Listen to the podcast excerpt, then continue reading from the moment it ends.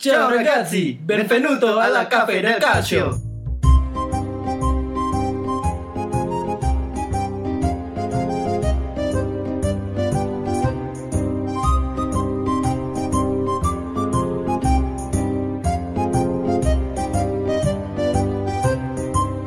Halo, selamat datang kembali di Cafe del Calcio. Ade, ini selamat tahun baru. Gimana nih? Udah pada masuk kerja, masuk kuliah, masuk sekolah? Gimana gimana Saya gimana? baru daftar ulang SMP saya. Ngapain aja kemarin? Ini ada yang pada nanyain pada kemarin kita selalu ngomong cuti, hamil. Cuti hamilnya udah kelar ini. Cuti hamil udah pada kelar ya. Udah brojol. Udah brojol. Jadi ini kembali bersama gua Hinca bukan Panjaitan. Gua Mas Danu. Gue Pade. Tony. Terus gimana lagi? Jadi Udah lupa, udah lupa acaranya rekaman. pertandingannya juga nggak lagi nggak ada nih. Kita ngomongin apa enaknya ya? ya sama masih jet lag juga nih liburan. Gue masih kebayang-bayang tuh ini coy original soundtracknya keluarga Cemara. Emang udah nonton? Udah dong. Yes, sih. Kalau mantap mantap. Family man banget ya. Iya. Nontonnya keluarga Cemara. Tapi kenapa anaknya jadi dua ya? Perasaan dulu tiga. Kan di akhir beranak satu. Oh, gitu. Oh spoiler spoiler. Maaf maaf maaf. maaf. Kalau gue masih kebayang-bayang bola Saponara yang dianulir pas lawan Juve tuh. Oi. Kok bisa ya? Bisa apa tuh? Bisa dianulir. Oh. kan emang bener pak. Tapi Udah- bener sih, bener tapi ya, bener sih. Bener. Tapi sebenarnya pas kita vakum itu pertandingan sebenarnya lumayan banyak ya. Satu-satu Gionata ya. Lewatan Satu, gua. Ada yang kita. yang gua baru tahu kalau Liga Italia itu ternyata ada Boxing Day. Ya. Iya, iya. Itu gua baru tahu ternyata ternyata ada ya. Sekarang mulai mulai musim ini berarti ya. Oke lah, jadinya orang pilihannya yang boxing day-nya jadi cuma dua tuh, Liga Spanyol sama Liga Italia. Eh, Liga Inggris. Inggris. Eh, Liga Inggris sama Liga Italia. Mau Ya, ngadu rating ceritanya, ada ngadu rating. rating. Tapi Liga Spanyol nggak libur ya? Minggu kemarin tetap main loh. Ya tetap main. Main. Yang Madrid kalah itu kan. Iya. Oke, jadi eh, karena kalau misalnya bahas pertandingan udah lewat, mungkin kita pertama bakal bahas review kali ini paruh paruh pertama. Review Ya. keseluruhan paruh musim. Ya, jadi pertama kita mungkin ngomong eh, ini deh overachiever. Jadi yang istilahnya membuat kejutan di paruh pertama ini. Jadi misalnya lu ekspektasinya dia cuman mediocre atau papan tengah, eh ternyata dia udah nembus lima besar atau 10 besar itu. Nah, jadi menurut kalian siapa nih? Bagi siapa dulu nih? Bang Hinca dulu deh coba. Ini kalau gua sih yang pertama yang mengejutkan itu eh, Milan sih. Wow.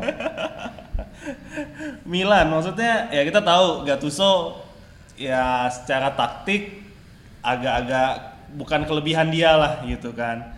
Tapi dia tuh bisa istilahnya jadi jadi eh, pelatih yang bakal di backup sama semua pemain. Ya kemarin Higuain habis udah mandul berapa bulan, habis nyetak gol itu yang didatangin yang pertama kan Gattuso tuh. Nah, jadi benar-benar kelihatan pasti dan dia juga bilang bahwa Gattuso selalu nge-backup dia. Terus pemain cedera sebanyak itu juga ya masih sekarang kan peringkat peringkat 5. Dan sepanjang 2018 kalau dikumpulin poinnya Milan tuh peringkat 4 di bawah Juve, Napoli sama Inter. Bukan nama rumah ya? Itu kan waktu kemarin BR Football tuh masih belum kelar ini paruh satu. Oh iya. Iya. Roma kan udah banyak kalahnya, eh banyak eh, kalah sama seri kemarin, Mas. Oh, Oke oke. Gitu. Tapi kayaknya kalau menurut gue sih Milan fair sih di posisi segitu. Masa? Iya. Ya posisi masih enam besar mah pas. Coba udah- deh kalau Roma sebelum pemainnya cedera. Eh. Enggak masih wajar sih si Milan sebenarnya di posisi enam besar. Jadi lu mungkin ngelihatnya lebih ke banyak Kondisi. iya, banyak kondisi. Ah. Banyak pemain cedera. yang pemain cedera terus juga ya nungguin Bakayoko jadi jago dari dari ampas jadi sekarang gue rela tuh Casey aja nih kirim ke Chelsea Bakayoko udah biarin stay aja di Milan Higuain yang belakangan juga mulai mandul kan. Yo iya iya. Udah gitu kan ditinggal kapten ya musim lalu kan. Eh dia dia, dia. pindah jadi kapten sebelah ya. Oke, yang mau- kalau gue sih itu pertama Milan. Si lu bertiga kagak ada yang setuju nih Milan. Kurang kurang kurang. oh nggak ada ya nggak ada. Kalau gue sih Atalanta ya. Wih, kenapa nih? Kenapa? Ya dengan squad yang ya menurut gue sih dengan squad yang ada tuh kayaknya Atalanta tuh mending masih masuk akal kalau misalnya di posisi belasan 10 lah paling tinggi ya kebetulan si Dufan Zapatanya bagus terus Alejandro Gomez Alejandro Gomez emang kita udah tahu jago ya kalau lihat di score sih ratingnya cuman di bawah Cristiano Ronaldo Lah iya. iya Terus Mas Danu mau mau nyebrang sama saya? Eh, ayo jatahnya dong. Tony Ya. Ayo. Atalanta masih di bawah Roma Ya, beda dua poin sekali ini juga kebalap. Di atas Atalanta sih sebenarnya masih ada Sampdoria, cuman kalau dilihat dari squad Sampdoria wajar di posisi itu. Ada siapa sih Sampdoria? Linetti, Dennis Pratt, eh, Gaston Ramirez, Gaston Ramirez kan udah hasil WhatsApp dari IPL. tapi masih bagus. Ya 11 12 sama Atalanta lah. Iya. Ada Papu, ada Tapi Atalanta maksudnya yang kita nggak pernah gimana? denger namanya Iya, sih. kalau secara Iya. nama lebih banyak yang di Sampdoria sih sebenarnya. nama-nama tapi tapi yang udah berumur gitu ya. Cuma tetap sih Atalanta kan ini nggak lolos kualifikasi Europa League Itu kemarin. belum panas, belum panas. Nah, tetap aja gitu. Maksud gua ya emang kan Gasper ini juga terkenal emang eh, ya udah kelasannya kelasan kelasan Iya. di sekitaran Europa League. Makanya musim lalu juga bisa lolos kan di Europa Iya, League. Jadi menurut gua sih ya Atalanta nggak men- nggak mengejutkan. Kecuali kalau tiba-tiba dia di peringkat UCL Lima, gitu kan atau 5 4 5 4 nah Tapi biasanya tim-tim provinsiale, tim papan tengah ke bawah Italia tuh kalau misalnya musim ini lolos Eropa, musim depannya mau tersingkir cepat atau enggak tuh biasanya ngos-ngosan pasti. Hmm. Padahal yang, udah-udah ya. Biasanya malah jual pemain kunci itu kalau lolos. Iya, bener Kayak dulu Udinese sih. Iya, Udinese. Tapi tahun ini sebenarnya Atalanta ngejual siapa sih? Cristante, Cristante, ya. petanya, Petanya pinjem kayaknya. Katanya pinjam spal ya. Hmm, Iya. Masih dipinjam spal. tapi obligation to buy sih kayaknya. kalau Tapi kalau ada petanya nggak ada Dufan. Ini, ini, Iya. ini, ini, yang 40 gol musim ini. Iya, ca- calon-calon sepatu emas Eropa itu. Tepat sih keputusannya eh Offload petanya. offload petanya terus ganti Dufan. Provinsial itu apa sih, Mas? Tim-tim ini, tim-tim kecil, tim-tim menengah ke bawah gitu. Kayak ini ya, Persika, Karawang. ya gitu Per, gila. persi, pers, apa? Kabupaten Bekasi apa? Persi Persi, persi, persipasi bukan ya? Persipasi ada. Kalau Bogor juga ada Persikabo. Persikabo. Persikabek. Apa? Ada ya? Mungkin mungkin Nah, nanti kita nanti kita googling deh apa sih ini. Lu bikin lah, lu bikin. Macam kayak nggak punya Google aja. Pers- Persikabek. Kabupaten Bekasi. Mantap, mantap, mantap. Wah, luar biasa. Hebat, hebat. Oh, jadi Mas Danu Atalanta. Nah, kalau gua sih Lazio gue lihat. Karena kalau memang musim lalu dia peringkatnya udah tinggi, tapi kan dia kehilangan dua pemain kunci kan. Ada Felipe Anderson sama De Vrij. Gantinya juga nggak wah-wah banget, cuman Joaquin Korea sama Acerbi ya. Iya. Ya, Cerbi. Tapi dia masih bisa di atas Milan dan Roma yang notabene lebih aktif di bursa transfer, duit lebih banyak, skuadnya mungkin di atas kertas lebih bagus. Tapi bukannya prediksi awal Serie A tiga teratas tapi pasti antara Juve, Napoli, Inter kan? Kebanyakan itu kalau Ah, dilihat dari apa? pergerakan Iya. transfernya. Dan tiga di bawah itu antara Lazio, Milan, Roma ya tukar-tukar aja. Diputer aja. Iya, Diputer tapi aja tapi kalau melihat Lazio bisa peringkat 4 di atas Milan dan Roma, ya gue sih menurut gue udah hebat lah dengan kondisi yang kayak gitu. Terlebih terlebih banyak banget andalan musim lalu yang musim ini off kayak SMS, Iya. terus si siapa tuh yang orang Spanyol Si siapa? yang bekas Liverpool. Oh, Luis Alberto. Eh, Luis Alberto juga kan musim lalu jago banget, musim ini biasa-biasa aja kan. Tapi mereka masih bisa dapat 32 poin itu oke banget sih menurut gua.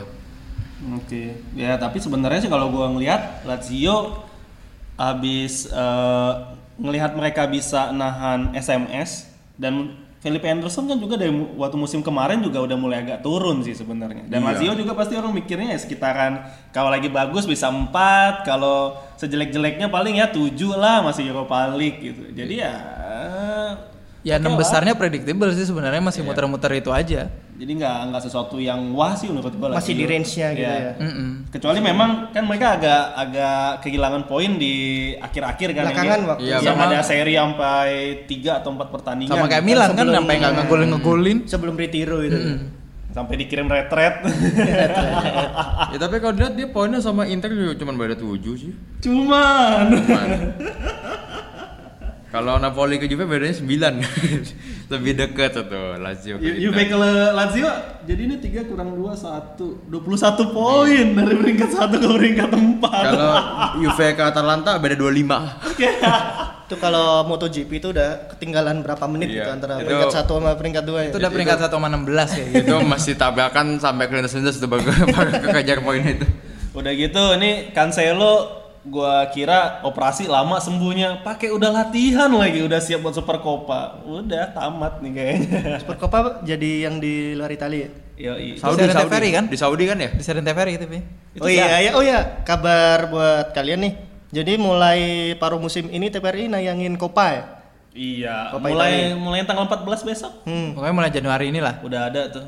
Ya Udah mudah-mudahan ya Pak Elmi Yahya musim depan sama liganya lah Pak. Lumayan pakainya masih lebih murah daripada Championship Ada IPL ya Ronaldo, sekarang iya, namanya. ada Ronaldo Pak di IFL paling ada Bielsa doang gitu. Siapa tahu musim depan ada lagi yang datang Pak, teman-temannya Ronaldo gitu. Ronaldo nantangin Messi lagi. Messi gitu. mau ke Inter, Pak. Ya kalau nggak ke Napoli Pak. Modric juga katanya mau sama Mbappe. Mantap. Duitnya siapa? Kalau Pak De, Kalau siapa gua- deh? Gua sih ini mungkin dibilang di atas ekspektasi nggak juga, cuman gua ngeliat posisinya karena dia adalah tim promosi. Gue liatnya Parma sih. Hmm. Parma Boleh, ini boleh. ya bisa ya gua kira tadinya sekitar 13 atau 16 gitu yang ibaratnya masih berjuang Salvezza Salvezza. ya, Salvezza. Ternyata juga em, bisa untuk saat ini masih peringkat 11 dan selisih poinnya tuh sama Sampdoria yang di peringkat 7 itu cuman 4 doang. Iya, bisa di atas Genoa Indonesia lagi. Iya. Yang notabene mungkin materinya lebih kita kenal. Tapi kalau dibilang over achievement juga gimana ya? Mereka juga kalau dilihat dari pemiliknya kan ada kekuatan finansial dari Tiongkok ya. Pemiliknya Iya, kan heeh. dari asing. Terus kemudian kebetulan kebijakan transfernya musim ini Cakep banyak yang sih. ya, cakep Gervinho, Tapi Peminjaman peminjamannya tuh CP, bagus juga. Inglese. Sempat ngerem Parma sejak Gervinho cedera kan? Iya, heeh. Ya jadi Kayaknya sejak Gervinho cedera belum menang lagi deh. memang nggak nggak menang waktu Gervinho cedera dan kayaknya sih Mercato seharusnya Parma nyari Pelapisnya opsi- Gervinho. opsi di lini depan sih. Oh, Kalau menurut gua gelandang tahu. sih. Biabani, oh udah di Parma ya.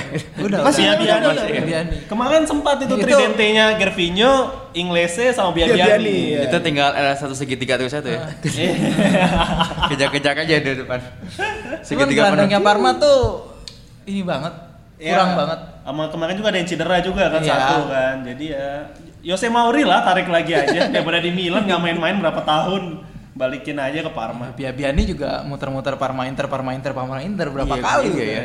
Kiper mah udah bagus ya. Makanya si pemainnya Kalau ditebus sih. ya kayak CP, CP. CP kan bagus banget nggak usah kita ngomong lah. Bastoni sampai Interisti itu udah pada musim depan balik ya, musim depan balik ya ngeliat Bastoni mainnya kayak gitu. Padahal buat apaan balik ke Inter? Skriniar, De Vrij, Miranda, Godin mau datang lagi. Mau jadi apa Bastoni balik ke Inter sebenarnya? Kira-kira tapi mereka kalau musim depan ini bisa ditebus nggak ya? Kayak CP, Bastoni, Inglese gitu. Yang dari dari Napoli ya? Iya ya, Kayaknya dari bisa Napoli sama sih. dari Inter. Kayaknya bisa sih kalau yang dari Napoli. Kalau dari Cicireti juga dari Napoli kan tuh. Iya, Cicireti Napoli. Cicireti, Cicireti, Inglese, CP. Itu Pemainnya Cuman impactnya kayaknya Pinjam- belum terlalu kerasa yang Cicireti Iya. ini. Cuma gue feeling sih Parma memang overachiever lah gitu kan. Cuma kalau mereka nggak terlalu aktif di paruh kedua, gue rasa bisa keteteran sih. Iya, karena pu- secara pelapisnya ya, sama di paruh pertama ini mereka banyak main home kan. Iya, iya, Hmm, benar. sering iya, iya, sering iya. banget mainnya di home. Ya, jadi mungkin di paruh kedua bakal lebih banyak eh, tackle lah dari tim-tim lain gitu kan kalau mereka nggak berbenah. Gitu. Siapa tahu mau beli pemain-pemain Liga Tiongkok lagi selain Gervinho. Eh, Carrasco. Alexander, Alexander Pato gitu ditarik lagi. Eh, deh. Itu mau dipulangin kan Hernanes? Oh iya iya. Oh iya, iya. ada Hernanes tuh. ada gosip mau dipulangin. Hernandez legenda siapa tuh? Juve. Legenda Juve. Ya. Juve apa Inter? Pialanya banyak di mana? iya, itu Scudetto-nya dua ya dia ya? Satu apa dua tuh Scudetto-nya? Satu kayaknya. Satu. Oke, itu tadi kalau overachiever ya. Ini nggak ada yang ngomong Torino nih. Torino 10 besar oke lah. Torino di tempatnya sih sebenarnya. Torino di tempat yang layak ya. Tempat yang layak. Lo ngeliat Torino sih maksudnya mungkin Iya, kalau dia di posisi sempat nyampe 6 besar sempat kan nyampe enam dia. besar dan kalau misalnya posisinya mungkin ya emang sekitar sekitaran situ lah 6 7 8 9 10. Heeh. sekitaran itu cuma kalau gaya mainnya sih gue bilang berkembang banget sih sama kalau musim ini gitu kan ya mudah-mudahan lah Jadi ini kalau kita bilang 4 sampai 6 ini di rolling antara Lazio, Milan, Roma, 7 sampai 10, putra aja antara Fiorentina, Torino, Atalanta sama Sassuolo. Tapi kalau gua nanti di underachieve team gua bahas. asik ya udah langsung aja kita Oh, iya. langsung lem Nah, langsung tapi lempar aja sini Kievo nih overachieve loh. Eh, Gak nyangka loh mereka bisa 8 poin. Sekarang bedanya udah tinggal dua nih ke Iya. Frosinone gitu. Padahal ini diam- diam- dia diam menghanyutkan. Nyolong start di minus dulu dia. Iya. ngefur ngefur ngefur ngefur Nah, menurut gua posisi di luar 6 besar itu 7 sampai 10 tuh biasanya Udinese yang nangkring di situ Indonesia Genoa ya. Oh. Genoa. atau Bolonya. Tapi sejujurnya gue pengen mereka turun sih. Udinese. Iya. Kenapa? biar Nggak dijual tahu- nggak tahu kayak nggak ini aja sama polisinya yang terlalu apa? Dulu sih liatnya jadi pasar pemain gitu kan. Ya, Lagian udah lama nggak ada bintang udahlah cabut aja lah. Ya jangan-jangan justru gitu yang bikin mereka bertahan di Serie A. Duitnya dari situ ya. Iya. Tapi kan udah di ada Watford sekarang. Spozo kayak dari Watford sekarang. jadi itu salah satu under achiever kita ya Udinese ya Kayaknya kita sepakat juga. ya. Indonesia ada chief. Kalau gua sih paling keras ke Fiorentina sih. Karena Fiorentina akhir-akhir musim kemarin tuh ngegas ya. Ngegas Iya mainnya. sih. Terus, sekarang komposisi pemainnya ya bagus kan? Nggak- nggak banyak berubah sama Chiesa, musim Jordan Verretout, siapa lagi sih? Gerson, Simone. si Simeone. Pezzella itu juga German Pezzella, Simone. ya Nah, Giovanni Simeone. Salah satu yang bikin gua rada kesel sih Giovanni Sim- Simeone. Musim ini tuh jelek banget sih dia. Iya, Biarpun di akhir-akhir dia ada paling 2 3 pertandingan, dua pertandingan terakhir ya kalau nggak salah. Golin dia memang. tiga. Cuma ya jelek lah kalau gua bilang. Ya, Makanya ini Luis Muriel datang, kita lihat nih. Oh iya Muriel ya. Muriel Udah fix ya? udah fix. Chiesa sama Simeone. Ronaldo nya Kolombia tuh sama-sama gendut. Ya. Kan pas nih Muriel kaki kiri kan? Iya. Nah, jadi Chiesa kaki kanan. Kita ngelihat sekarang 4-3-3 yang tiga depannya nggak pakai inverted. Chiesa ya, Chiesa di kanan, Muriel di kiri. Terus mereka bakalan gue ngebayangin mereka bakal sering tukar tempat sih itu. Katanya katanya Pioli pakai 451 tuh. Iya. So ide banget nih. Kalau nggak dibikin 4-4-2 aja Muriel 4-4-2. Chiesa gitu kan, dihilangin sih Simeone-nya. Kalau di gue sih uh, underachiever Fiorentina sih. Tony kayaknya belum ngomong tuh underachiever-nya. Atau udah ini sepakat se- udah kesebut semua itu. Fiorentina. Udinese, Atau Udinese. Fiorentina. Gue malah ya ya kurang lebih sama lah sama kalian. Eh. Gue gue tapi gue malah ada opininya soal pemain sih kalau underachiever. Oh. Kalau klub semuanya udah menurut gue nggak ada yang bawah-bawah banget lah prestasinya. Kalau pemain siapa pemain? Nah kalau pemain ini kalau pemain ini gue malah lihatnya ke ini sih saga terbesar transfer pemain kan Higuain, Bonucci sama Caldara kan. Ya, benar benar. Dan orang tuh mikir, wah Juve dibego-begoin nih. Ternyata kita kalau kita lihat Higuain Caldara ke mana sekarang? Higuain mandul Caldara pos di pos Cedera. posyandu terus kan. Oh. Terus posyandu terus tapi tatonya nambah coy. Iya, Bonucci malah main mulu di Juve, malah kayak starter terus. Jadi ini siapa yang diuntungkan sebenarnya? Higuain yang diharapkan bisa 20 gol minimal semusim, baru berapa gol sampai sekarang? Belum sampai 10 kan? Tapi gue bilang sih Bonucci itu malah sering kali jadi eh, Kambing hitam ya? Kambing hitam kekalahan. Apa ya? Nggak kekalahan Eh, sih jadinya kebobolan. Kebobolan, oh, belum, Iya, belum pernah jadi- kalah ya. yang bikin sering kebobolan justru si Bonucci-nya Bonucci. kan. Benar, tapi ya bagaimanapun dia di starter dipilih sama pelatih jadi Iya, starter pasti ada alasannya kan dan Iya, dia dimainin terus di squad yang ada Rugani ada Benatia dia bisa starter terus sedangkan di seberangnya nih yang ada yang Caldara Higuain nggak ada impactnya gue rasa sih ke Milan sekarang Iya. bahkan Cutrone lebih kelihatannya lebih kepake lah dibanding Higuain padahal kan gaji Higuain ya salah satu tertinggi di Serie A kan Iya. tapi tetap tetap kayaknya lebih nge- ngefek Kutrone malah Sama Suso ya. semua Suso. Jadi siapa siapa yang pinter kalau di sini kan kelihatannya awal musim lalu kayak Juve kok bego banget nih mau ngelepas back muda sama Higuain ke, ke rival. Eh Bor ini pindah ya? Baru ini katanya mau ke Hampir hampir fix hampir. ke Niger, Yang-. Tiongkok. Eh, enggak, aku bilang negeri tirai bambu. Negeri bambu. Negeri ya coba. tirai bambu. Oh ya berarti kalau Bung Tony double ya langsung Caldara sama Higuain gitu. Iya, tapi di Inter juga pemain-pemain barunya juga gue lihat, terutama Nenggolan sih itu juga sangat-sangat tidak seperti yang diharapkan lah. Ya. Katanya setengah hati katanya Setengah hati. mau minta mau Setengah minta hati. dipanggil kembali. Eh, itu pembelaan itu napasnya udah nggak kuat aja itu Samsung mulu tuh paling IG story tapi nggak ada lagi ya lagi di klub sambil ngerokok nggak ada gitu. ya? mungkin Snapchat yang mana sih kayaknya. Eh, gimana nggak ngap ngap ngudut ajeb-ajeb iya Tapi makanya dia ngepost loh di Instagram, dia lagi lari ma- tengah malam di, Sar- di Sardinia. itu dikejar satpol pp itu Sardinia berarti dia keluarga tinggalnya di Cagliari ya? Kayaknya sih. Oh, ide dari awal di Cagliari sih ya. Cagliari nama kota ya Sardini Sardinia. Pulau Enggak, Sardinia Kalau gua sih Pastore. oh iya oh iya saya aku Iya, Gua sendiri juga masih lupa masih ini sih, masih bingung kenapa itu dibeli orang. Ini udah dikasih dua gol back heel loh, Mas. golnya Terima golnya bagus-bagus loh terima kasih loh Enggak ada artinya. iya seenggaknya masuk IG-nya 433 itu ya. Padahal itu seharusnya eh, kalau nggak dibeli bisa kayak sekarang nih kayak Ramsey bisa dapat free transfer. Tapi gue pribadi sih emang nggak expect dia bakal bagus sih pas pindah ke, Ro- ke Roma. Tapi lu expect setidaknya dia main lah gitu ya, nggak kayak sekarang. cedera Ya. bukan Cederanya udah Cedera. Cuma main berapa kali sih? Bolak-balik cedera. Dua tiga kali ya, kalau nggak salah dia kayaknya emang penyakitnya dari Jawa Harganya, Palermo harganya berapa Iya. sih? 30 apa 20-an? belasan ya? Belasan, belasan, Belasan. belasan. bukannya 25 20-an. Enggak, 25 seingat Belasan Seinget dengan gua, klausul. seinget gua duitnya Nenggolan itu habis Hmm. buat beli Pastore. Ya kan buat beli tiket juga jemput Pastore. nggak nggak jemput Malcolm kemarin eh Malcolm mau ke bandara Roma lagi tuh Ke Lazio. Malcolm, mau ke kota Roma loh. nggak disambut lagi tuh Malcolm mau ke kota Roma tuh, nggak ditungguin di bandara mas.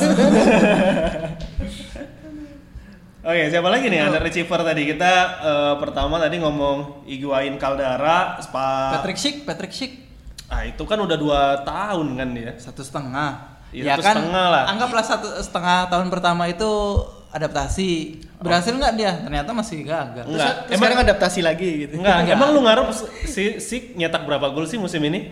Ya sejujurnya dia bisa bener-bener gantian sama Zeko. Ya udah gantian tapi nggak nyetak gol juga ya kan? makanya Jadi ya udah gua gua tetap ngarep si Sik itu ya minimal performanya kayak di Sampdoria. Sampdoria juga dia nggak inti terus kok. ya tapi kalau Patrick Schick sama Zeko sekarang performanya sama loh sama-sama nggak golin jelek. kecuali di UCL. Eh, Zeko menang di UCL doang sih. masih tapi di Sisi kalau di tim nasional golin mulu ya Nah makanya beda beban kayaknya. ada beban kembali ke sama Messi ya kalau Messi cocok sama di klub ARD Kota Roma gitu. Siapa lagi? Gua tambahin nih under receiver paling juga pada tahu ya Sergei Milinkovic Savic. Nah, itu ya itu mengecewakan Yang sih Jelas sih. mengecewakan Mengecewakan karena harusnya dijual aja 110, 120 Ya, ya gitu. jangan, ya jangan. Itu berarti Lumayan, presidennya Mas. presidennya cinta klub. Lumayan kayak mas gitu. dapat berapa pemain gitu kan cari. Ya kan kali aja musim depan balik lagi gitu kan. saya kalau lihat SMS tuh jadi inget batu akik naiknya cep naiknya cepet turunnya cepet Mungkin SMS belum digosok sampai tembus Belum, kali. iya. Kurang Harus- disenterin gitu kan. mungkin kurang orang-orang di pinggir-pinggir jalan gitu ya pada ngumpul lihatnya belatin SMS nya Lu inget akik, gue inget sosis. Kenapa sosis Semua makan. Mm -mm. Oh, ya. Ya, ini ini jokes jokes orang di atas 40 tahun Iya, ya iya, iya. generasi generasi milenial generasi Z mungkin kurang begitu tahu ya Itu jokes-jokes eh, grup WhatsApp bapak-bapak. Iya.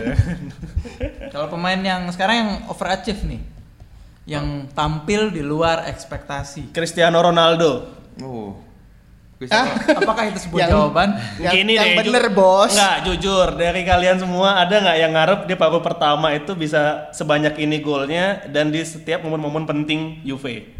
Eh, Ya maksudnya gini sih kalau sih, kalau musim-musim awal eh musim-musim awal pekan-pekan awal tersendat adaptasi mungkin ya wajar. Heeh. Cuman ya Ronaldo bos. Ronaldo. Ya gini deh, kita ngeliat banyak kan orang yang bilang, alang habis itu kaki nggak mungkin bisa kayak gitu di Serie A backnya. Itu mah percaya dah. sih. Gua gua nganggep ya dia mungkin nggak gua nggak ngira dia bakal sebagus ini cuman gua nggak mengira dia bakal bagus Enggak, itu mah nggak itu mah warganet warganet julid itu mah. Enggak, gue Yang bilang ingin Juve terpuruk ju- ju- jujur aja pas Cristiano Ronaldo tuh di atas ekspektasi. Gue bilang. Enggak sih. Harga harganya juga masih sesuai ekspektasi masih sih sesuai. tapi kalau tadi dibilang kakinya habis emang nggak pernah lihat tuh paha segede Papu Gomez gitu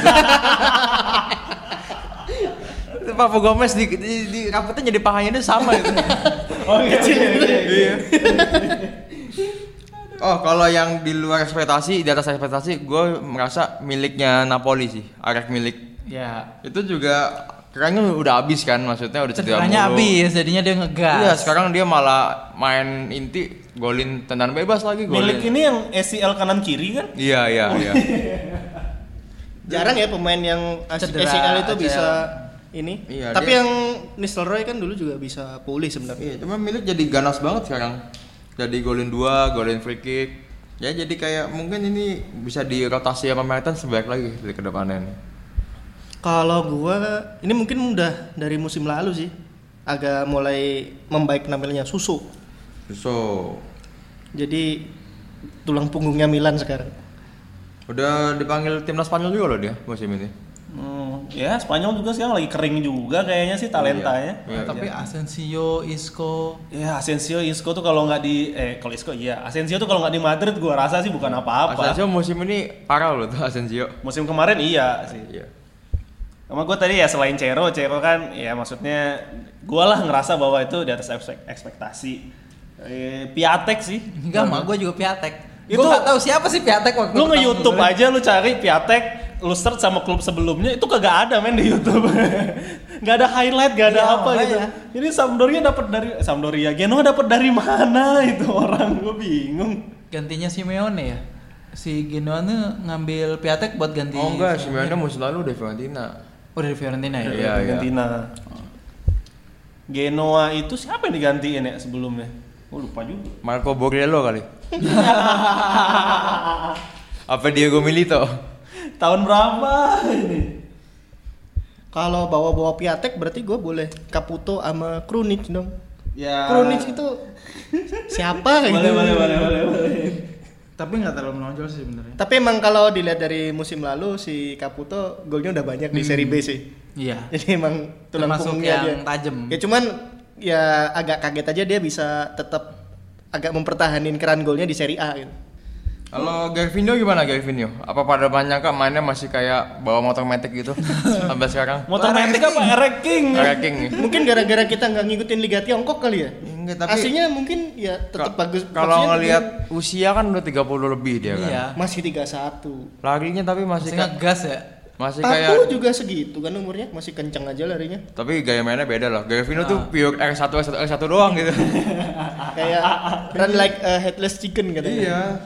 Tapi dia finishingnya juga bagus ya Kang Dudut sekarang Gervinho tuh tembakan-tembakannya. resikonya lebih gampang cedera, kayak main kayak gitu tuh. Aman cedera. Kangen-kangen. Kangen mas. Udah punya Kluivert, Kluivert juga sama Undas, Under. Andes, Cengis- Andes. Cengis Undes. Undes. Cengis Undes.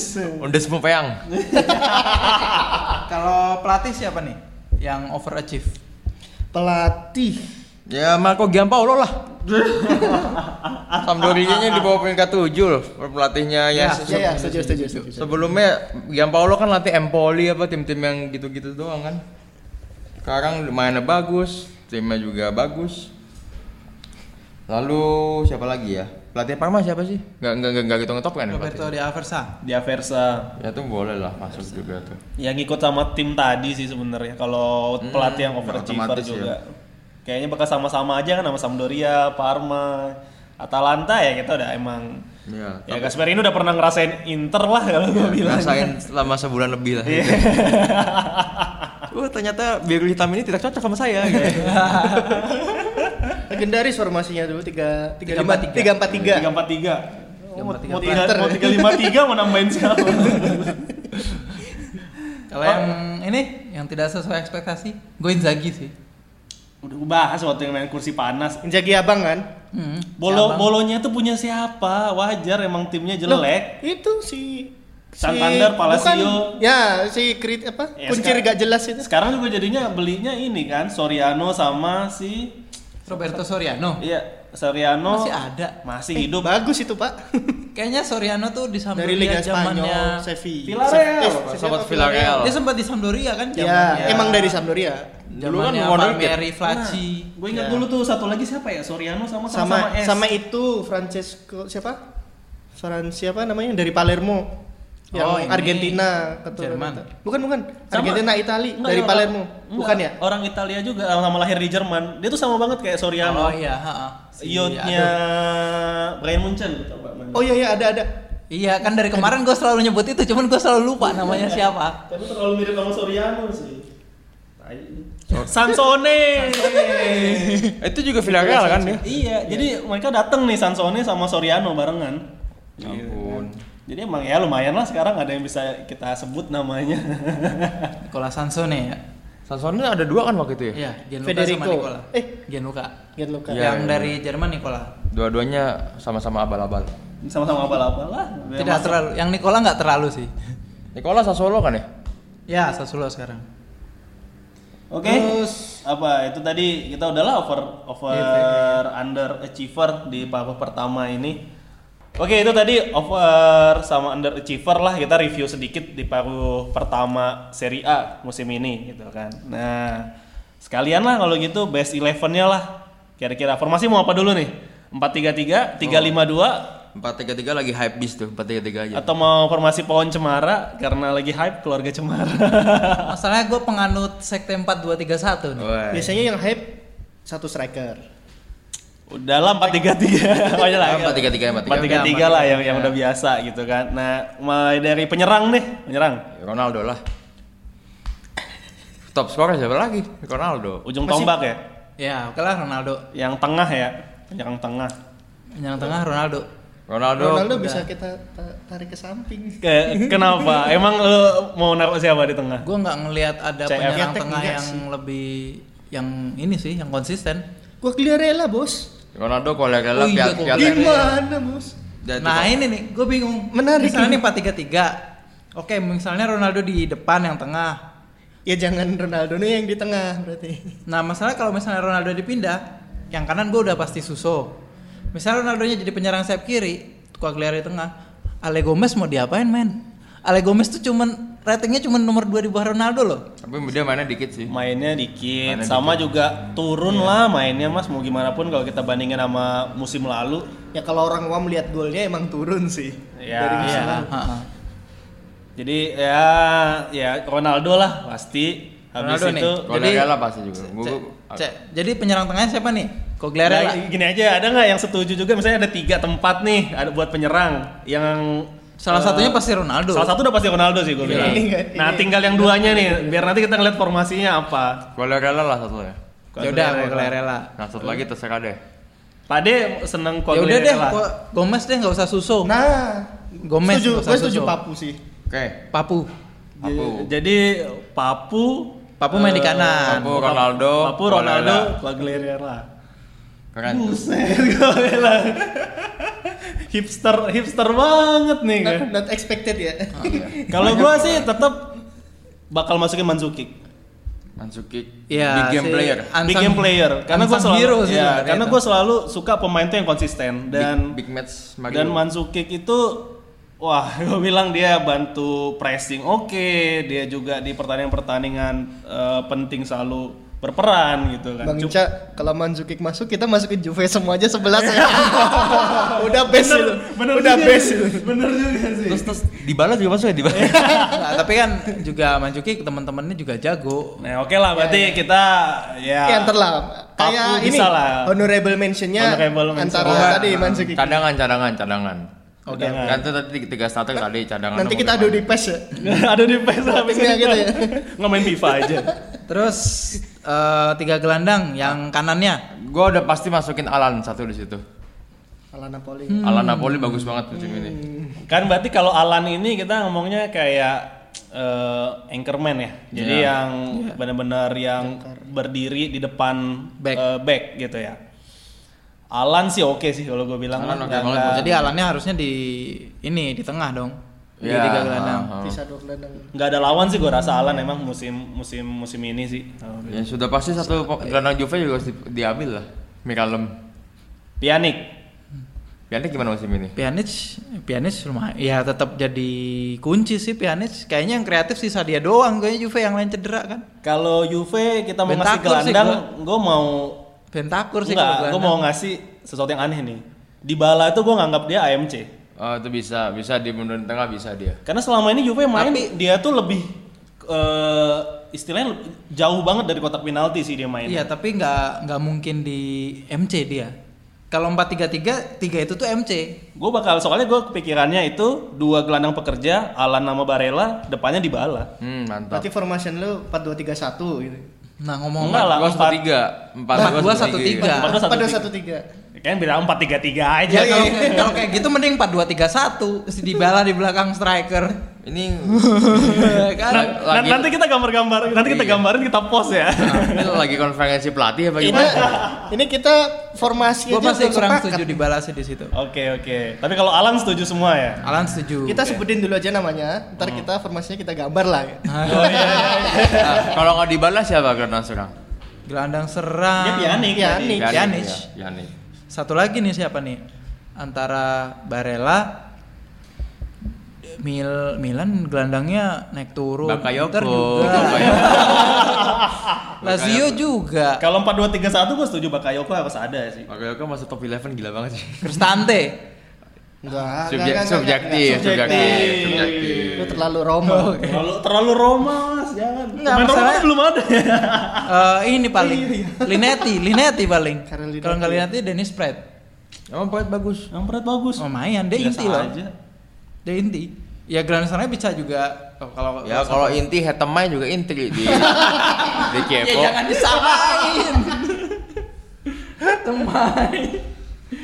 Tapi gue kalau gue balik lagi, kalau gue pikir-pikir lagi ya, kok nggak ada nyebut Icardi sih penyerang? Iya juga Oh, iya, iya. ya. Enggak soalnya saingannya Ronaldo pak. Dan nggak mungkin ditaruh. Iya, eh, dia dia dia kurang versatile dia.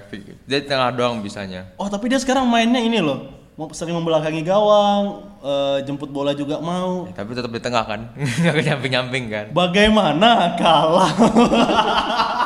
Dia cadangan lah, cadangan, cadangannya Manzuki Icardi lah. Siapa sih gelandang lagi yang kelewat?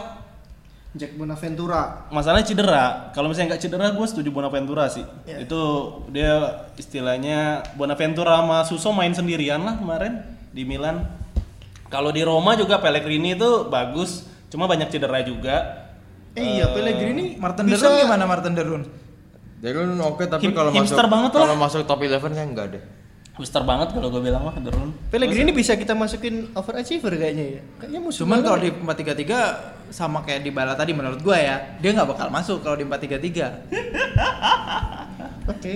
Ngomong Barella, Barella diincer Chelsea. Oh ya? Heeh. Sa Yang sa- jadi sa- ini nggak- Apa nggak setuju bandrolnya? nih. Tiga eh 30 kali 50. Gak tahu, gue ingetnya dia eh, si Chelsea mau beli bareng Barella sama Paredes. Paredes, Aduh, Paredes. yang itu dari Zenit itu. Iya. Hmm, mukanya ke Juve ya dia.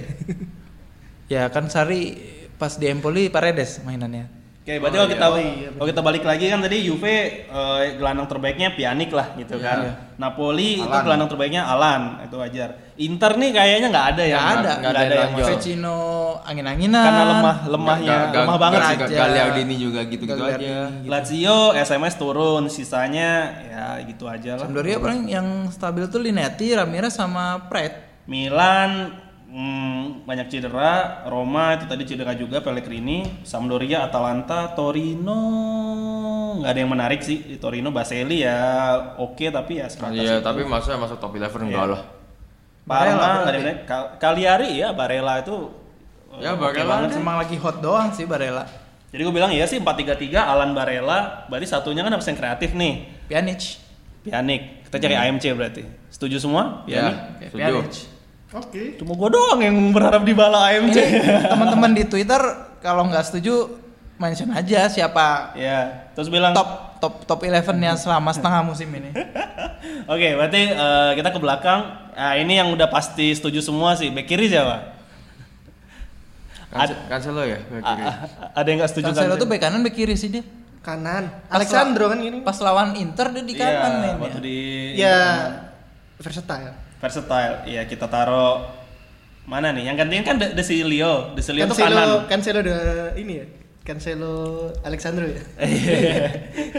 Udah kita langsung ngomong fullback aja dah. Ada nggak yang bisa ngalahin duet Cancelo Alexandro? Hmm, Bulam belum. Mario Rui? aduh, aduh, aduh, aduh. Napoli kan kelemahannya fullback nih udah Keluar pasti lagi meme lawan salah itu. Verslako bagus ya? Eh, cederaan juga. banyak cedera, Cederaan juga lebih ya. banyak cedera Versalco. Lazio dia main tiga back. Paling gua kalau mau hipster nih ya, Ricardo Rodriguez flop. enggak gua masukin Lazzari sih. Lazzari Nah, iya Manuel Lazzari bek kanan. Jadi kalau bisa gua tapi kalau misalnya Cancelo dikasih kanan udah pasti kalah sih. Tapi kalau boleh Cancelo kiri, Lazzari kanan, oke. Karena selain itu menurut gua Juve nggak ada yang ngalahin sih fullbacknya Iya, duet benar, benar. Cancelo sama Alexandro kalau gua bilang. Nah, tengah back tengahnya. Tengah. Koulibaly, Gianluca Mancini. Ah, Koulibaly juga. Eh, Itu- ya, setuju, setuju. Itu udah no brainer itu. Eh, Gianluca- Koulibaly udah no brainer itu. Itu aset aset panas. Nggak, gimana caranya buat kita bisa duetin Koulibaly sama Chiellini? Mungkin nggak? Ah, tapi Kiel ini maksud eh, ke- dia mah memang standar mainnya kayak gitu sih, bukan yang menonjol-nonjol banget. Dan nomor ya standar main seperti itu dan best defender in the world sih gua bilang. Iya. Kalau dibilang top 3 gue bakal sebut Koulibaly, Chiellini, satunya gue cari deh. best defender ya? Liga mana?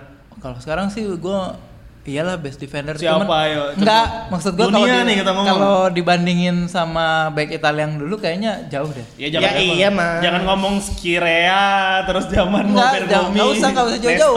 Zamannya Maldini, Nesta, Cannavaro aja lah. Kayak gue bilang sih kalau kita ngomong top 3 defender in the world, gue pasti duanya gue bakal sebut Chiellini sama Koulibaly. Satunya ntar gue cari dah Liga Inggris mungkin nanti apa? Ada orang Belanda tuh kayak jago jadi back tengah. The League. Oh, dari A- Atau The Fry. Fry, The Fry, The Fry. Atau Van Dijk. Pandek itu bekas Persib lo itu. oh iya, yang botak ya. iya, botak Soundcloud. Jadi Koulibaly sama siapa? Gianluca Mancini. Itu golnya lebih baik daripada Patrick Schick lo itu. Yang apa? Gue bilang sih Koulibaly udah pasti nih. Koulibaly Koulibaly kan mainnya tuh fisik. Iya. Berarti kan harus di- biarpun ya oke lah dia eh, passing sekali-sekali bisa, tapi kayaknya sih emang dia harus ditandemin sama defender, playing defender. ball playing atau yang lebih taktis lah. Acerbi. Gak gak bercanda. Skriniar. Skriniar. Oh iya, Oh, Skriniar. Skriniar itu kom complete si eh, center back sih. Tapi dia bodinya lemah loh dia tuh. Fisiknya bagus, dia malah mainnya tuh lumayan fisik, sama dia punya tak eh, teknik tekniknya bagus pak. Soalnya kalau di timnas dia mainnya jadi ini mas, gelandang bertahan. Iya sih. kalau Dia di Inter aja deh. Ini gue bilang Koulibaly, Skriniar, oke lah. Sama buat ini lah, kurang-kurangin pemain Juve. Chiellini jadi gogo, oke lah bisa disimpan. Honorable mention. Chiellini Mancini ya berarti ya yang tim lawan Gianluca Brescia Mancini. ya. Ya, tapi gue tetap Koulibaly, Skriniar. Koulibaly calon back pertama 100 juta itu. Iya. Ditolak, Pak. Oke, kita kiper berarti sekarang ya. Nah ini ini agak nyaru nih siapa nih nggak ada yang wah-wah banget musim ini. Mulyadi paling ya. Maksudnya di atas ekspektasi juga dia. Mulyadi boleh. Cuman Walaupun sempet beberapa pekan itu tiga pekan 11 gol itu. Iya. Tapi kayaknya kalau bukan dia kipernya bobolnya lebih banyak lagi. Gue akan bilang Donnarumma sih. Yang pertama supaya Milan ada wakilnya. Kedua, Ya, kedua, yang kedua Sampdoria jadi nggak ada wakilnya nanti. Oh, udah Quagliarella ya. Aduh. Oh, ya yang kedua itu karena yang di akhir-akhir eh, Donnarumma banyak save clutch lah di saat-saat genting dia berhasil eh, bikin penyelamatan yang gemilang gitu. Jadi ya gue masih percaya sama Donnarumma sih. Sorrentino, Sorrentino. itu itu itu big game player loh itu. Tetap Emil sih gua. Jangan bikin malu nanti kalau kamu tuh lihat best 11 Serie A nih Sorrentino, Emil Mulyadi, ya nama keren lah. Yang sekalian tarik Pelisier ya. Tapi musim ini memang nggak ada kiper yang keren-keren banget sih di Serie A. Iya sih. Selain Iya. Handanovic. Handanovic juga cukup hipster sih buat orang awam. Iya. Tapi kalau mau lebih hipster lagi kita ngomongnya bakal ngomong CP, CP. Kranyo, itu penyelapan. Iya, benar-benar. Gue bilang sih CP, CP sih. CP Alex Kranyo di Napoli juga lumayan. karena Meret- dia baru main berapa kali, Mas, ya kan? Iya. Di rotasi kan. Jadi kalau tim-tim kecil itu kan CP, Kranyo sama sama Ospina ya dia. ya? Yasmina. Sama satu lagi itu siapa ya tim kecil ya? Olsen. Eh, ngaku juga. Ngaku, ngaku. Akhirnya. Bukan, maksud gua Olsen tuh di luar ekspektasi. Mungkin karena pembandingnya Alisson kali ya. Ini kan kita ngomongin best, Pak. Oke. Best atau over ekspektasi? Jadi kiper, jadi kiper siapa? Setujunya? Chesney. Mulyadi. Eh kok Chesney sih? Emil sih. Ya Emil Mulyadi, boleh. Mulyadi. Biar ada wakil Indonesia. Kita mau mengundang overproud Ya, Indonesia di oh. internet ya. Oke. Biar habis itu nanti kita eh, tag Mulyadi ya. Ini Ya. loh kita nganggap kamu tuh masuk best 11 Serie A. Yeah. Ntar dia balas pakai bahasa Italia. Sopo iki? Bahasa Itali tuh ya. Ah, Sapri. Oke, itu tadi eh, podcast pertama kita di 2019. Kita tadi udah bahas review paruh pertama Serie A, sama kita juga tadi eh, Overachiever, overachiever lah, sama kita juga best 11-nya kita. Sampai ketemu lagi di episode selanjutnya. Ciao.